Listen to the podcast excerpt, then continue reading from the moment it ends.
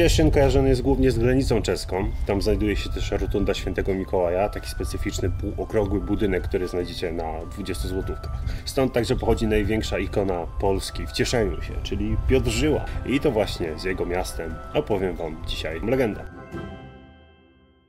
Wiadomo, że najbardziej rozpoznawalną postacią miasta jest śmieszek nad śmieszkami, czyli Piotr Rzep. I gdyby ktoś za jakieś 50 lat, czyli jak już będę miał zaawansowaną demencję, powiedział mi, że Cieszyn nosi taką nazwę, ponieważ właśnie stamtąd pochodzi ta ikona skoków tarciarskich, to chyba bym w to uwierzył, no bo dlaczego ktoś miałby mnie tak perfidnie okłamywać?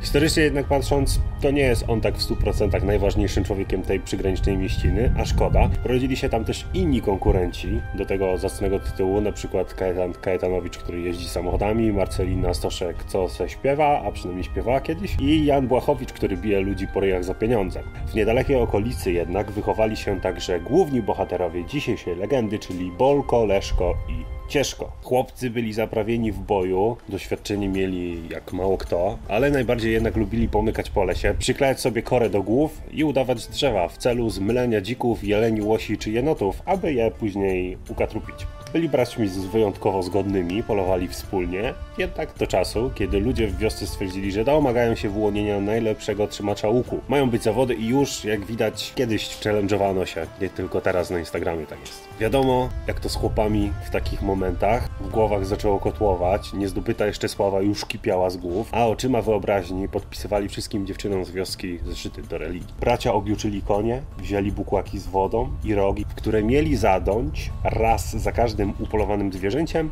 i trzy razy, gdyby się zgubili. Ruszyli w jednym kierunku, ale po chwili rozpierzchli się na różne strony. Drodzy Państwo, znajdujemy się dopiero na rogu puszczy, a Leszko ewidentnie złapał trop. Bardzo szybko mgnie lasem, oby nie skończył marnie, wpadając w paśnik jak dzik. Drgnijcie na ciężko.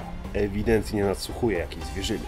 Chyba coś jest. Jest! Widzę parzanta! Młody łowca zdecydowanie ma się z czego cieszyć. Przykłada róg do ust i raportuje wiosce, że wychodzi na prowadzenie. Ależ co to? Niesłychana sytuacja. Po użyciu rogu ciężka zerwała się knieja jeleni, co wykorzystał Bolko, który ruszył za nimi prędko. Od tej pory wszyscy wędrowali już sami. Ciężko przesuwał się w głąb puszczy i poszukiwał zwierzyny, która da mu wygraną w zawodach.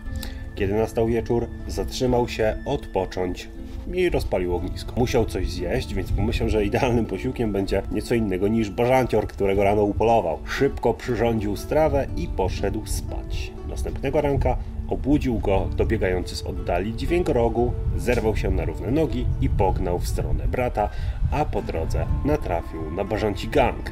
Na ich nieszczęście miał ze sobą łuk, starcie człowieka z bronią kontra ptak, który może co najwyżej na niego narobić, nie mogło skończyć się dobrze.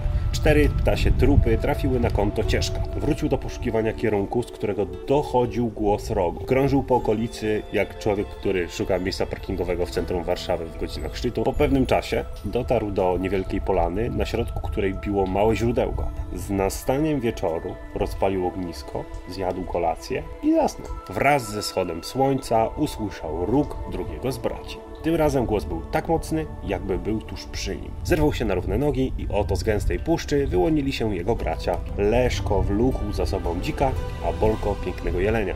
Na swój widok zaczęli się radować i witać. Zrozumieli, że braci się nie traci, razem tworzą najlepszy team myśliwski. Siedząc przy ognisku i opowiadając sobie historie, jakie przeszli w czasie tych dni, postanowili, że w miejscu, gdzie się spotkali, wybudują osadę. Na znak radości z tego spotkania nazwą ją Cieszynem. W miejscu, gdzie było źródełko, z którego czerpali wodę, postawili studnię, która po dziś dzień stoi w Cieszynie i przypomina jego mieszkańcom o niezwykłych braciach. A w dzisiejszym odcinku to już wszystko. Mam nadzieję, że Wam się podobało. Trzymajcie się dobrego tygodnia, na razie.